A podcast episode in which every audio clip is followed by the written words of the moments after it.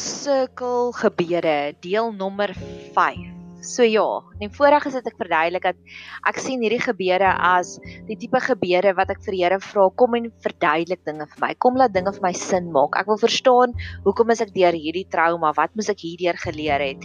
Hoekom het hierdie positiewe ding met my gebeur? Ek wil verstaan. Ek wil die hele prentjie sien. En ek wil net af ek begin gewoonlik om te sê ek het 'n persoonlike storieetjie. So Hier is my eerste persoonlike storieetjie vir vandag wat ek gaan share is.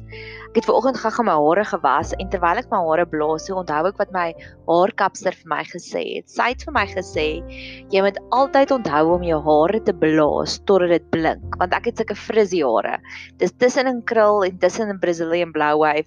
En baie keer dan voel ek dalk moet ek dit perm en 'n ander keer voel ek dalk moet ek dit Brazilian blue wave, maar ja, ek geniet my hare, maar ek weet dis harde werk want as ek niks daarmee doen nie, dan fris dit. Ek het blonde hare, so dan sê ek altyd ek lyk soos 'n baba leeuetjie want dit lyk soos hierdie maan hare wat rondom my kop is. Maar sy het vir my gesê as jy jou hare net halfpad blaas, dan kom die fris weer na rukkie terug. So jy moet dit blaas totdat dit blink en dit sal dan maak dat daai fris vir hierdie wasperiode heeltemal weg is. En dit het my laat dink aan gebeure ook. Ek dink baie kere bid ons nie totdat ons hare blink nie. Ons begin te bid, bid, bid en dan iewers kry kom die duiwel en hy gee ons decoys en ons hou op om te bid en dan kry ons nie die verlossing wat God beplan het vir ons nie. Ons kry net so klein stukkie daarvan. En dis waar ek nou voel. Ek het hierdie gebedspunte maande terug al geskryf. En ek weet nie hoeveel bladsye was dit nie, maar dit was baie bladsye.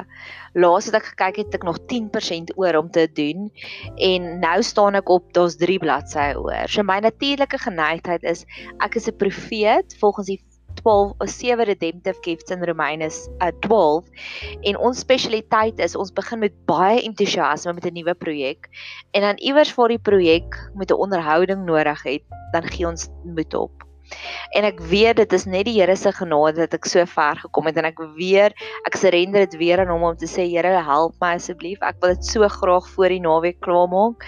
En ek weet ek staan op die drempeltjie en ek weet daar gaan 'n groot beloning vir my wees wanneer ek hier deurgedruk het en deur al die punte gebid het. Maar ek is nou op die punt waar daar soveel ander dinge wat meer aanloklik lyk. En as die vyand nie net so amazing wanneer ons begin net met iets sal hy soveel dinge doen wat net soveel meer aanloklik lyk nie. En ek het 'n persoonlike storie ook daaroor. Ons bly hierso in 'n landgoed, hierso seker so ek dink omtrent so 100 erwe. En op 'n stadium met ons vriendekring probeer om die sosiale um klub weer aan die brand te kry om dit weer te kry dat die mense weer begin saam kuier. En ons het dit vir maande gedoen maar elke kuier was dit dieselfde tipe mense of dieselfde groepie mense wat die hele tyd uitgekom het wat min of meer ons vriendekring was en so een of twee. En op 'n stadium het ons gedog okay dalk hou die mense nie van ons nie. En toe het iemand anders wat nie in ons vriendekring is nie ook begin om die sosiale klub weer op die been te kry en dieselfde het gebeur. So ons het daarmee release gekry, dit is nie ons nie. Dis net asof dit dieselfde mense is wat oor en oor bywoon. Maar hoekom ek hierdie storie vir jou vertel? So 2 2 weke terug het iemand 'n slangpraatjie want omdat ons hier in die bos bly, het iemand 'n slangpraatjie kom gee en dit was op 'n Saterdagoggend 9uur en ek was vir verbaas oor hoeveel mense het dit bygewoon. Daar was te min stoele. Hulle moes nog ekstra stoele in indra. En op 'n stadium het ek besef, "Joh, maar hier's baie tieners." En ek het op 'n stadium het ek het ek en my vriendin so by 'n groepie tieners gestaan. Ek sê vir haar, want daar was tieners daar wat sonder hulle ouers somme was, daar was, want ons bly baie na, die klubhuis is baie naby, so die kinders het sommer met hulle fietsse gery of so intoe gestap. En ek sê dit net vir die een tienerdogter, ek is so beïndruk dat hier so baie tieners is en sy lag so verlee en my vriendin hak af en sy sê ja, enige verskoning om nie te leer nie. die dogtertjie lag en sy sê ja, Tannie, dit is so want dit is nou matriek eindeksamen tyd. En dit het my laat dink, dis waar ek ook nou is alles anders lyk nie vir my amper lekkerder. Ek het 'n boek gekry wat ek nou-nou oor gaan gesels ook vir my verjaarsdag en dit lyk vir my lekkerder en alles anders lyk nou net lekkerder want ek weet ek staan op daai puntjie om dit klaar te maak. En ek kan ook onthou 'n paar jaar terug het ons gereeld op stappies gegaan, soos in natuurstappies, soos 3 of 4 dae stap met 'n rugsak. En ek kan onthou dit was altyd die laaste 2 km wat die langste gevoel het. En as jy op 'n lang reis ook gaan, daai laaste 30 km voel altyd die langste. En dis nou waar ek nou is. So ek bid sommer daaroor en ek vra asseblief dat die Here my kom inspireer, dat die Here my met sy liefde kom dryf om hierdie projek klaar te maak. So in hierdie een gaan ons gesels oor keuses. En ek wil daardie saadjie by jou plant. Jy het altyd 'n keuse. Jy het altyd 'n keuse.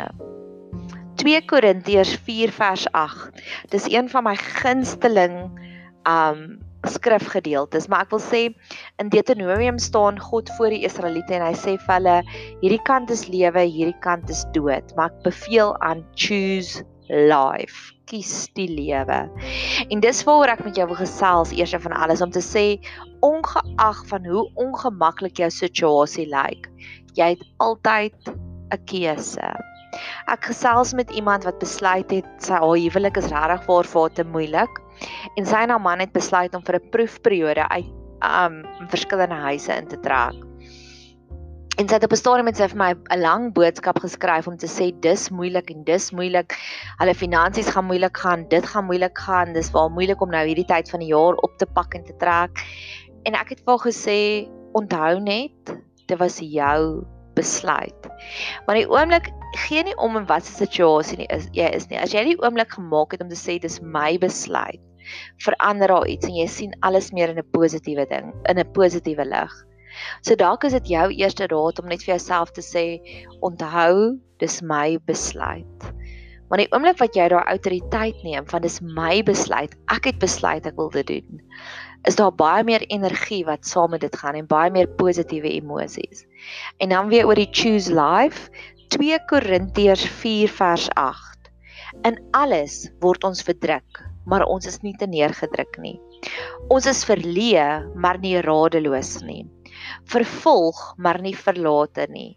Neergewerp, maar nie vernietig nie. So in die eerste geval, ons is verdruk.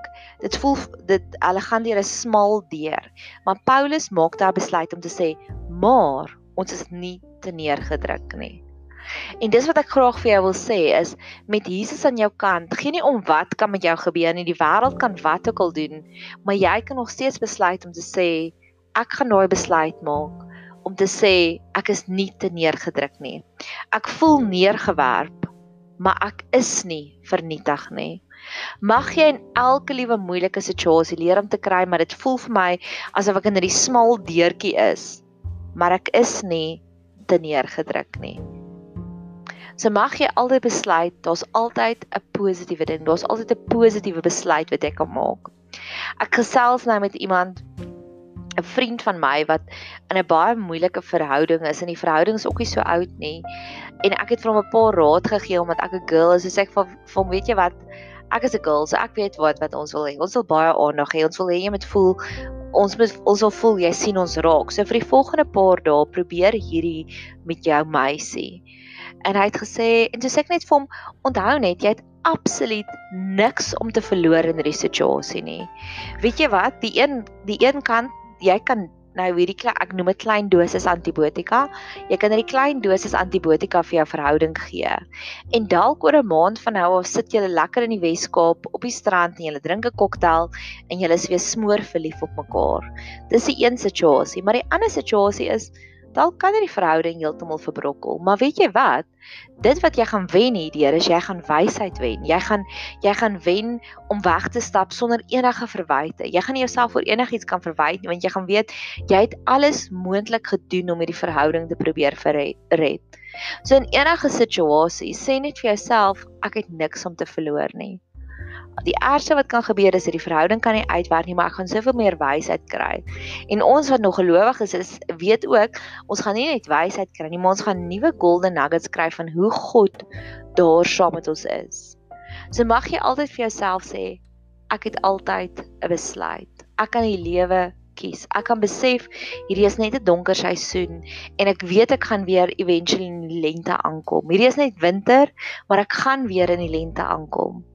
En ek wil vir jou dis die boek waarvan ek vertel wat op hierdie stadium amper my grootste temptation is want ek wil net hierdie boek so vinnig as moontlik lees. Dit is die Book of Joy en dit het ook 'n fantastiese storie, maar ek dink ek gaan hom in 'n ander pot gooi, gaan ek hom vertel. Of nee, ons kyk gaga. Die Book of Joy is geskryf deur die Dalai Lama en Archbishop Desmond Tutu. Hulle twee het bymekaar gekom vir 'n week lank en hulle het die boek geskryf oor blydskap. Hoor wat sê die die Archbishop. Discovering more joy does not, I'm sorry to say, the Archbishop added as we began our descent. Hulle was besig om te vlieg. The save us from the inevitability of hardship and heartbreak. In fact, we may cry more easily, but we will laugh more easily too. Perhaps we are just more alive. Yet, as we discover more joy, we can face suffering in a way that enables rather than, than embitters us. We have hardship without becoming hard. We have heartbreak without being broken.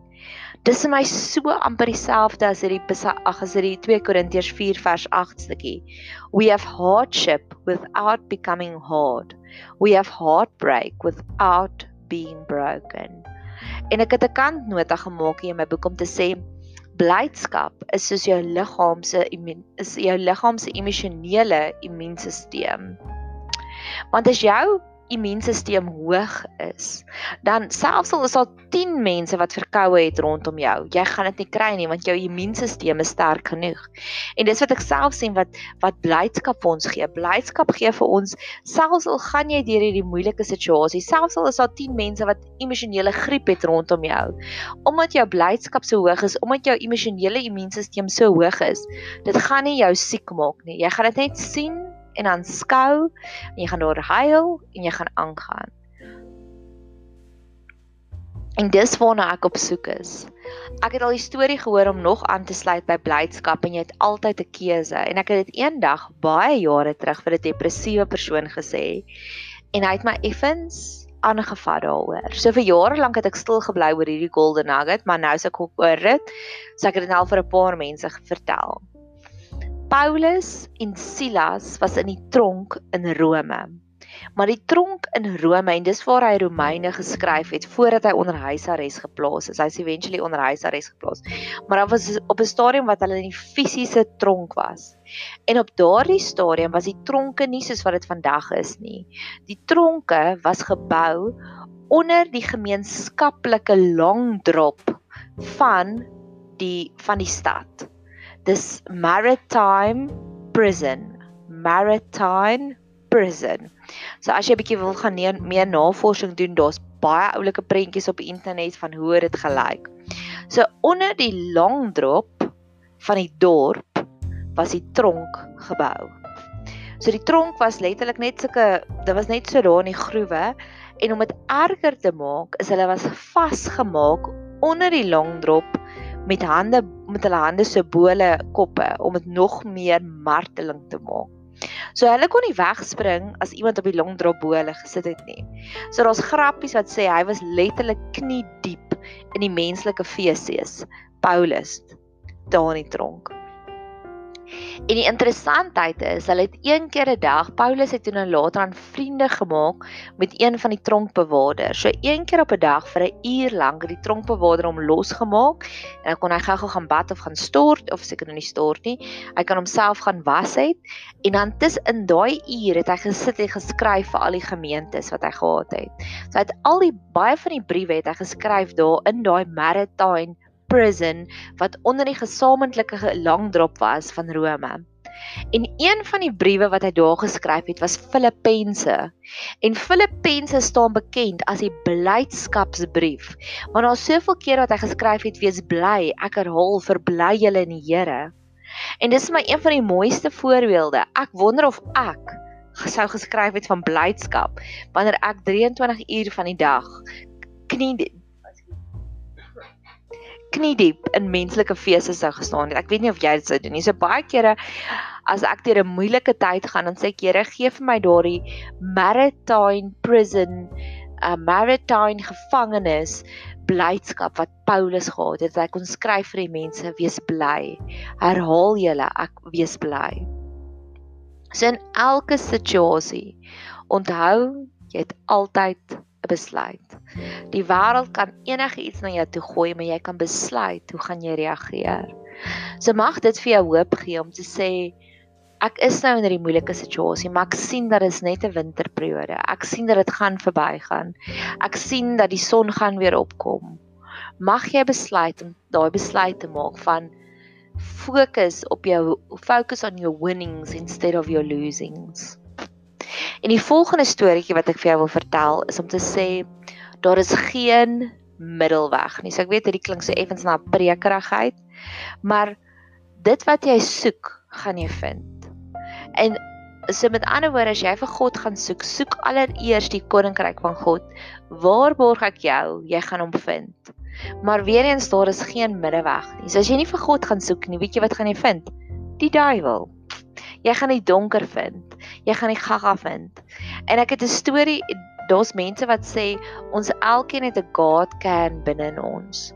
En ons kan hom probeer opvul en opvul en opvul, maar as ons hom nie met God gaan opvul nie, gaan jy hom opvul met die gaga. Jy gaan hom opvul met dinge wat jou nooit gaan satisfy nie. En ek het 'n fantastiese storie op hierdie konsep. Soek en jy sal vind. So ek het nou-nou vertel van die slangpraatjie. So die slangpraatjie het eintlik nog 'n storie voor dit. Ek is relatief bang en skrikkerig vir slange.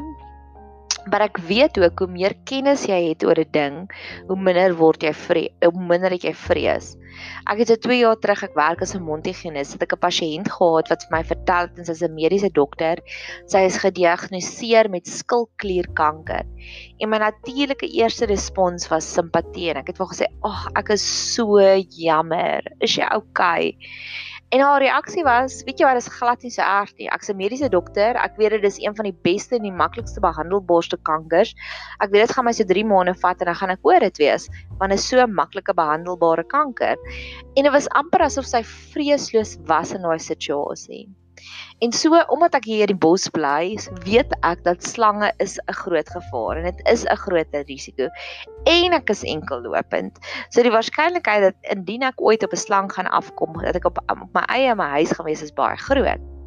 So toe die slangpraatjie begin adverteer word, dink ek dadelik ek gaan dit nie mis nie want ek weet dan gaan ek meer kennis hê en dan gaan ek minder skrikkerig wees. En wel my verwagting was wel ontmoet.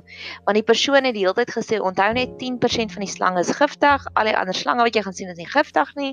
As jy 'n slang in jou huis kry, dis wat jy gaan doen, jy gaan altyd 'n wegkry plekkie soek.